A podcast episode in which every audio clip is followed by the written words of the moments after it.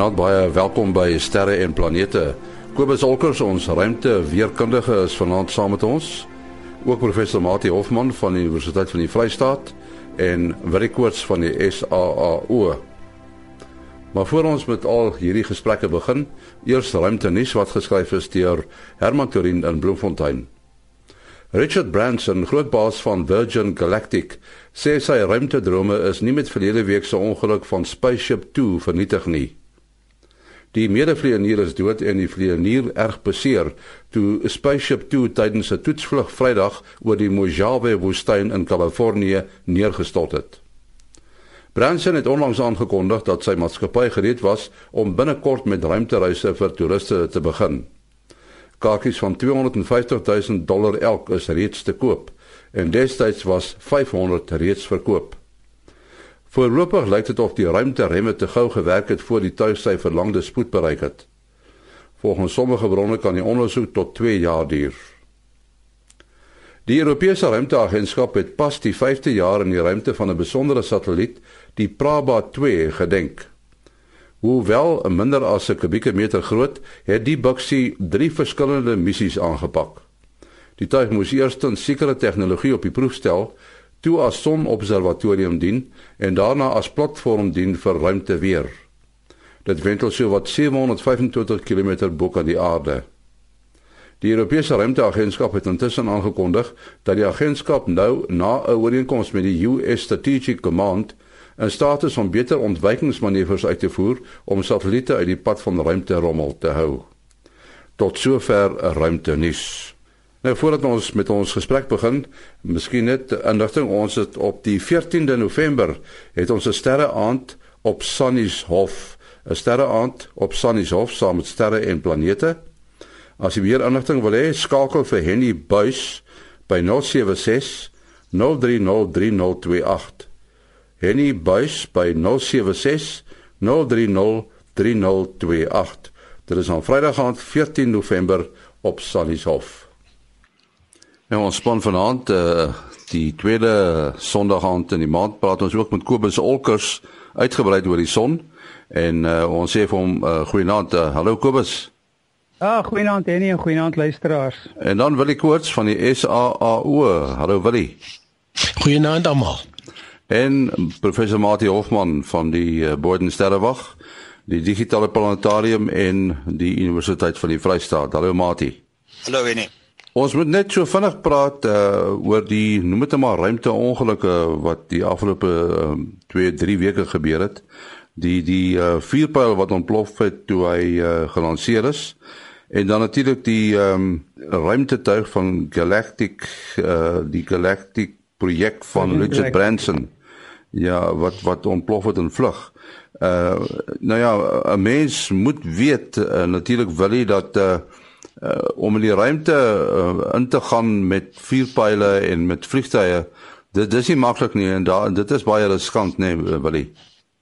Ja, ja nee ons ons het al baie gepraat van dat uh, uh ruimte of 'n vuurpyl lansering is soos baie na 'n beheerde ontploffing en en partymal is daar mense betrokke en en partymal is daar um is daar selfs 'n uh, 'n uh, um, loonvrag betrokke soos in hierdie geval. Ja. Ja, so die die uh, uh Orbital Sciences is natuurlik een van die maatskappye wat ook die bot uh saam met SpaceX het om uh, uiteindelik uh, bemande vlugte na die ruimtestasie toe te neem. En hierdie was juis 'n gelukkig onbemande vlug. En uh, iets wat vir my interessant was wat wat ons uh, satellietjagter Greg Roberts op ons Facebookblad ook uitgewys het en ek sien dit ook dat die uh, vierpyl motore wat hulle hier gebruik is 40 jaar oue Russiese tegnologie. En en ek sien erns dat een van die motors het juis met toetse onlangs by Orbital Sciences het hy ontplof.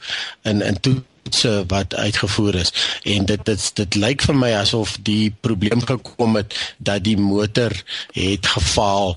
Een van die twee motors 'n uh, uh, vierpyl motors het gefaal wat onder die satelliet sit wat dan uiteindelik die um, die ontploffing veroorsaak het. As mens al hierdie uh, suksesverhale sien van goed wat gelanseer word sonder probleme en wat ook al dan dink 'n mens dis maklik en dan as daar nou weer so 'n klomp uh, ongelukke gebeur dan besef jy eintlik die die uh, hoe, hoe moeilik dit regtig is om om die ruimte te betree. Ja, Kobus, uh, dit was seker taamlik hoog op in die nuus daar in Amerika waar jy sit, né? Nee? Hierdie ongeluk. O ja, dit is nogal 'n bietjie van 'n politieke ding selfs omdat Amerika nie meer sy eie uh masjiene maak nie en ons moet nou ons hang nou af van die uh Russiese ou ballistiese uh missiel tegnologie.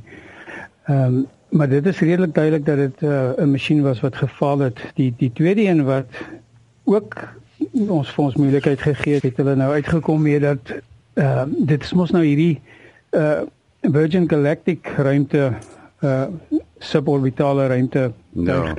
Ehm um, en die manier wat hy wat hy werk is hy het 'n groot moederskip uh amper so groot as 'n Boeing 747 maar dit is uit 'n uh, groot holte in die middel met twee masjiene aan die kant.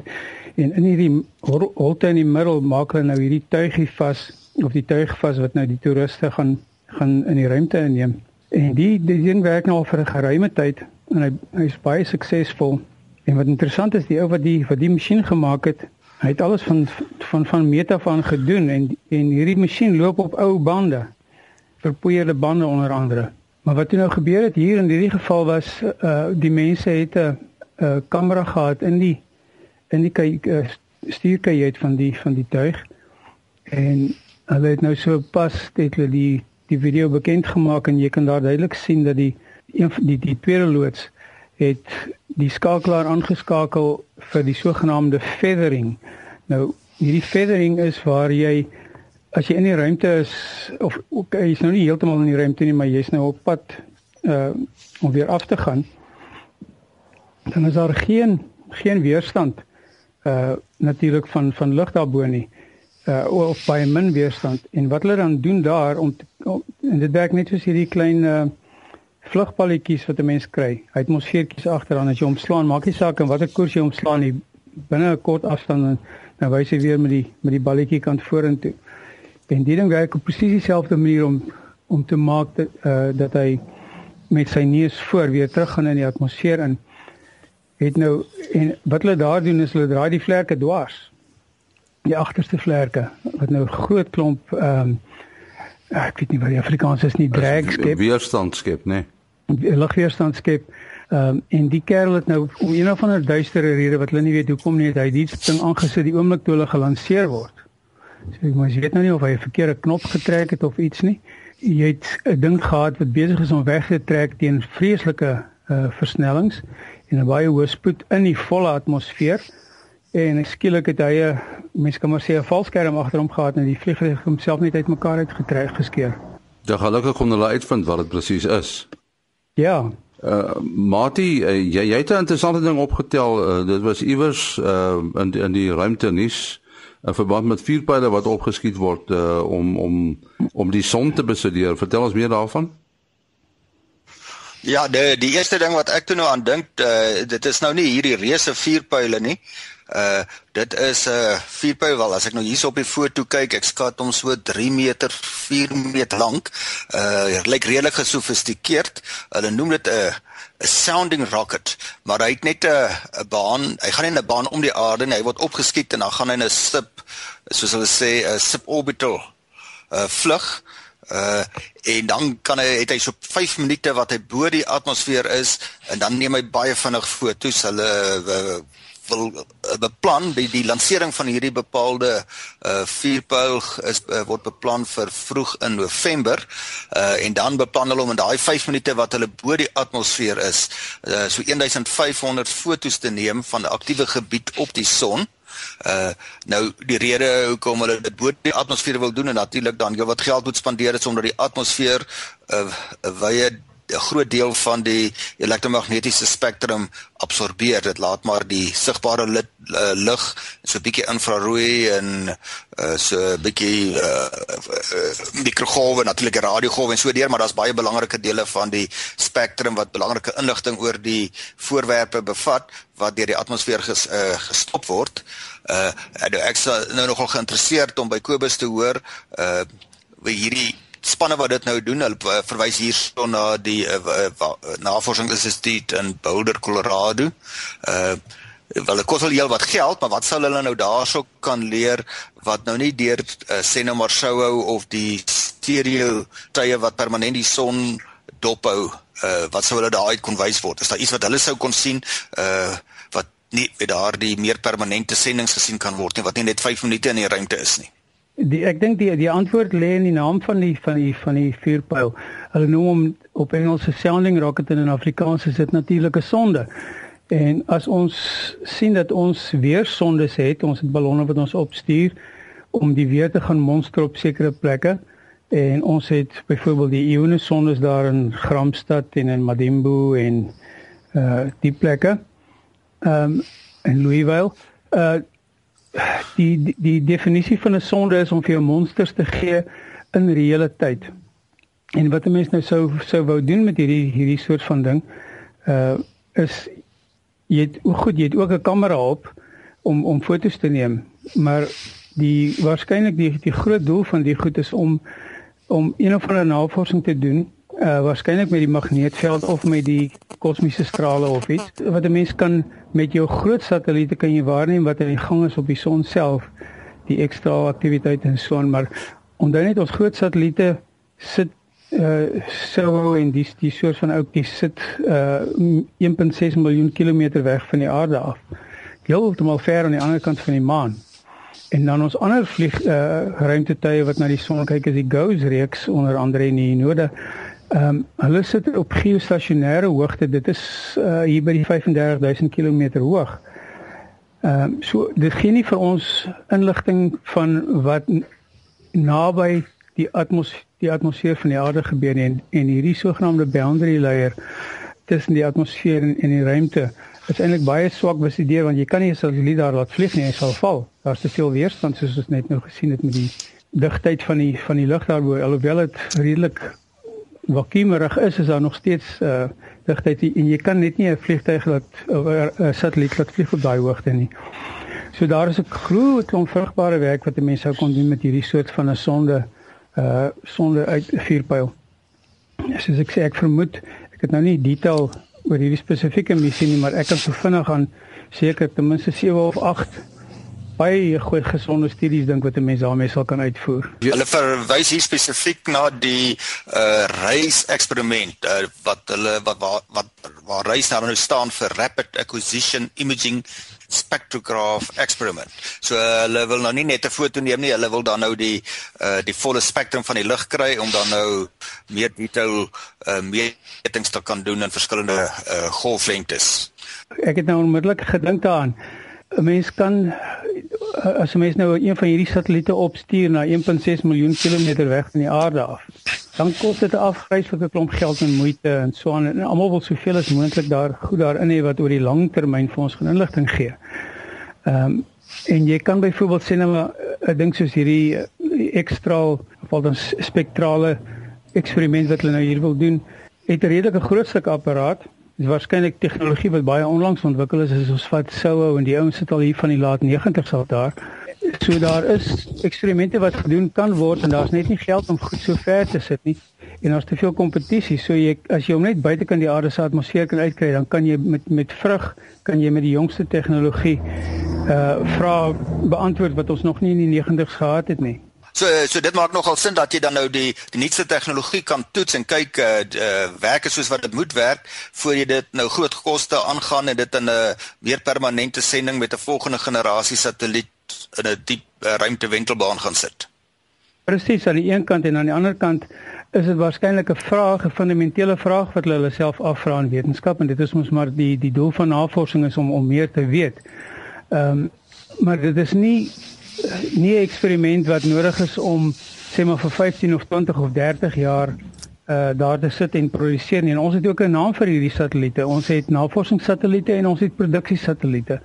Ons produksiesatelliete gee vir ons goed wat ons nodig het om ruimte weer voorspellings te doen. Om te kan weet wat elke sekonde in die ruimte in die gang is en so en ons algoritmes en al ons voorspellingsmetodes is is gegrond op hierdie soort van ding uh terwyl uh, so suiwer wetenskap missie hy hy het 'n ding wat in hierdie geval kan hulle die antwoord in 5 minute kry en wat is die nut daarvan om hierdie sware diere ding te gaan sit op 'n satelliet wat vir 30 jaar daarbo sit en om nooit weer te gebruik nie Kobus, ek wil net iets anders vra. Uh, as jy nou verwys na hierdie fakkels wat van die son afkom, dan praat jy van uh, X-klas en en en.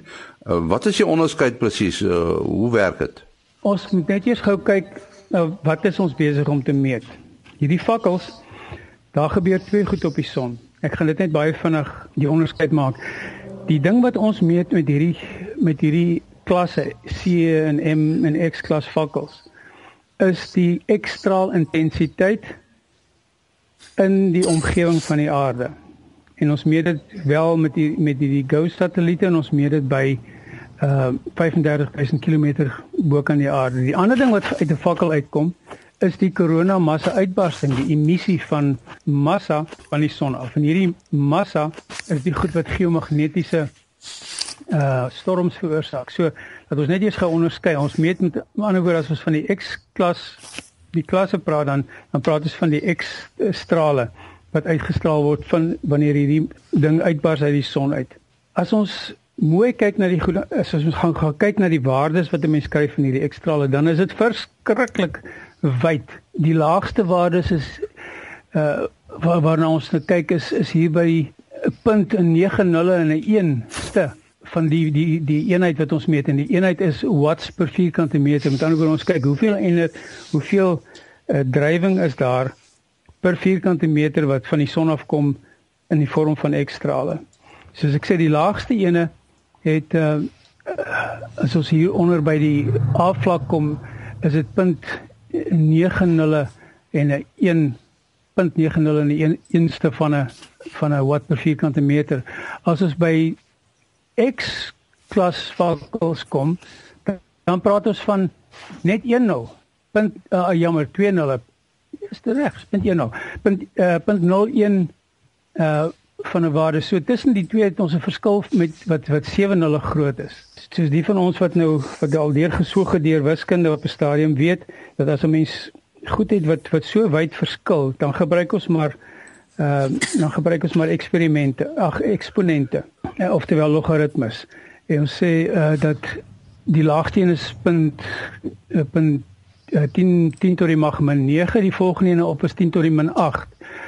En so noem ons hulle nou as ons hier by 10 tot die min 7 kom, uh 10 uh, jammer, 10 tot die min 6 dan het ons die A-klas fakkel wat beteken dit hy gee baie lae hoeveelheid ekstrale hier in die omgewing van die aarde. As ons nou by die B-klas fakkels kom, dis nou die ekstraal intensiteit, dan het ons 10 tot die min 6 van hierdie watt per meter. Dan word ons elke keer wat ons opgaan met 'n klas en ons ons noem hulle A, B, C en dan die volgende is M en X. Ek gaan nie oor die historiese ding daarvan aangaan nie. Uh maar elke keer wat ons opskuif, sit ons basies 'n 0 by. Dan oor elke elke ene is 10 keer sterker as die vorige ene. So as ek so vinnig uitwerk, as jy van A na X gaan, is dit uh is die X 10000 maal uh hoër drywing as die A klas. Presies. Uh, Presies. Ja. So uh dit is hoekom nou maar ons ons gee dit net maar klasse want dit is makliker. Is vir ons dit, dit is vir uh die algemene mense wat dit goed gebruik en daar is mense soos loodse en uh lugvaartmense en ruimtetuigmense en al die mense wat hierdie goed gebruik. Ehm um, is dit makliker om te praat maar van 'n klas A en 'n klas B en ons weet B het 10 keer meer as A, C het 10 keer meer as B en as jy nou uit die C's uitgaan dan gaan ons na direk na M toe. Die oomblik as ons die M en die X het, dit sê vir ons nou is jy in in 'n in 'n area wat jy probleme kan verwag. As jy M-klas vakkels sien, dan weet jy daar gaan een of ander effek wees op ons tegnologie in die ruimte. As jy X-klas vakkels sien wat nou nog 10 keer sterker is, gaan jy nog groter probleme hê. Dan gaan jy begin ionisering van die lug hier op die op in die aarde in die atmosfeer kry. Jy gaan die die ionosfeer gaan uh sy ionisering so verander dat hy groot skokke gee wat ons GPS'e gaan gaan opvoeder. En natuurlik dan nou uh, nog 'n interessante ding wat mense tipies kan sien wat gebeur met met 'n uh, 'n uh, standaard wat so met die tyd ontwikkel is van X af boontoe het ons nie nog uh sê net maar 'n Y vlak of so iets nie. Jy gaan dan van jy begin by X X0, X1, X2, X3 en jy gaan net na X10, X11, X12 en elke een van daardie goed as jy X0 het uh, dan beteken dit jy jy 10 tot die min uh min 3, ek net hier kyk. Ja, 10 tot die min 4 omtrent. Ek kyk nou sommer direk op, op vandag se lesings. As jy nou van x af kom dan jy 10 tot die min 4 met ander woorde 0.30 en 'n 1 van 'n watt per vierkante meter en as jy opgaan dan elke een wat jy opgaan x2, x3, x4 is dan 10 keer groter as die vorige ene. Ja. Dit klink vir my baie ekstreem hierdie. Hmm. ek ja, wat ek nou ek ek wil nou graag 'n gevoel kry van hoe ekstreem. Uh sê nou maar mense is jy het 'n ruimteman daar so op daai 35000 km hoogte waar die metings geneem word.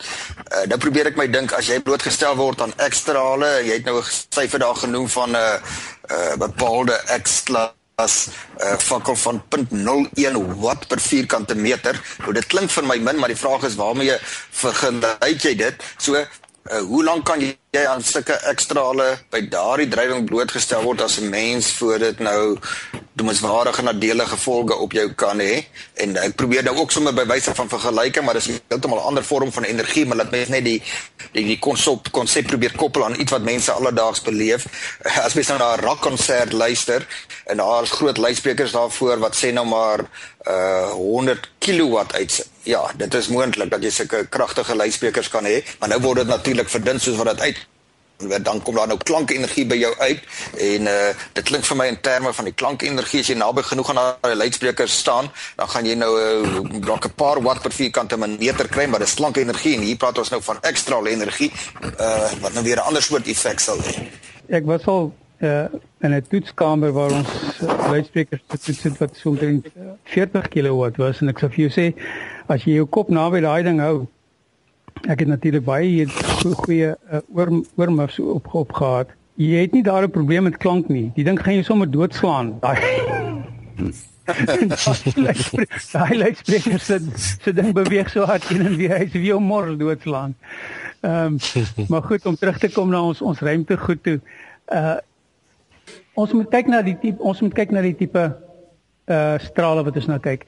Ekstrale is elektromagnetiese strale en jy kan jy kan hulle afskerm. Ehm uh, en die en die ding is uh 'n mens sal byvoorbeeld nie 'n mens bo by uh 35000 km sit. Jy sal nie bemande ruimtetuig sien toe neem nie. Suiwer omdat jy soveel ekstra straling om die ding moet sal moet sit. Dink net maar aan die die groot loodvoorskote wat die mense wat die ekstrale neem moet aantrek. Maar in teorie as as jy en as jy onbes, onbeskermd of binne in 'n baie dun aluminium uh uh vel ruimtetuigie sit. By 35000 km gaan jy dit nie vir baie lank oorleef nie. Om jou 'n goeie voorbeeld te gee, toe ons in 2003 het ons 'n baie sterk ekstraal uh fakkel gehad. Ek dink dit was X32 of so iets. Massiewe groot ding. En en 'n kerel in Australië het op die strand was besig om om uh ionisasie by by grondvlak te meet. En jy kan as jy die ionisasie uit uitreken of of het uh dan kan jy uitreken hoeveel energie dit geneem het om om om dit te ioniseer. En dis so hulle by die X32 uitgekom het wat hier wat daar aangekom het. En as jy daai soort van van ding gekry het, uh as jy op daai dag op die strand was uh in Australië, dan sou jy die die die hoeveelheid uh borsekstrale ekwivalent wat jy wat jy sou gehad het sou omtrent hier by 'n 40 45 gewees het asof jy 45 borsekstrale die een na die ander kry. Jo, ja. Uh, so selfs op grondvlak as ons 'n werklike groot uh ekstra uit uit uitsending het, dan kan ek kan hy vir ons hierso plan. Gelukkig het die dit is altyd baie kort van van van uh lengte en uh dit is baie baie rar. Goed, wil jy wil net iets sê oor die Rosetta wat nou ook 'n volgende stap nader?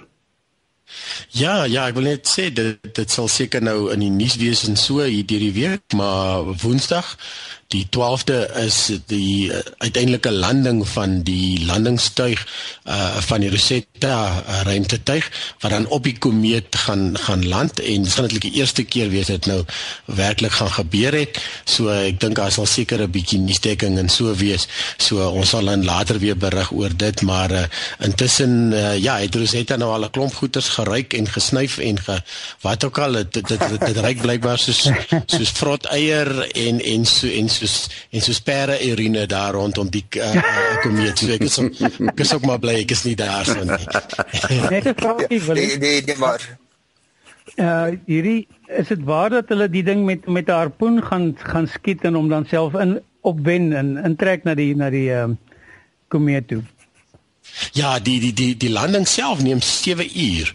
Uh hulle stadig afsak na die uh, uh, uh, uh, uh komeet toe en dan die die landing gebeur omtrent teen teen stapspoed. So dit is dan die Ja. spoed waarteen die, die lander die komeet gaan tref en dan onmiddellik word daar harpoene ingeskiet in die komeet in want die swaartekrag is baie laag want die komeet is Ja. mos nou maar net iets soos 2-3 km in deursnee om die om die ruimtetuig te anker. Natuurlik hulle weet nie presies hoe stewig is die grond ensovoorts. So dis eintlik nog goed als goed wat hulle nou gaan uitvind. Ja, dis die Want, komeet dis nou die komeet Churyumov net- Gerasimenko. ja. Ja, ek ek het gewonder hoekom vir my wil jy om die naam van die komeet te sê. Hoor jy ons moet afsluit uh, uh Kobus jou besonderhede? Dis kobusolkers by gmail.com k o b u s o l c k e r s by gmail.com. Mati? 0836257154. 0836257154. En uh Willie. 0724579208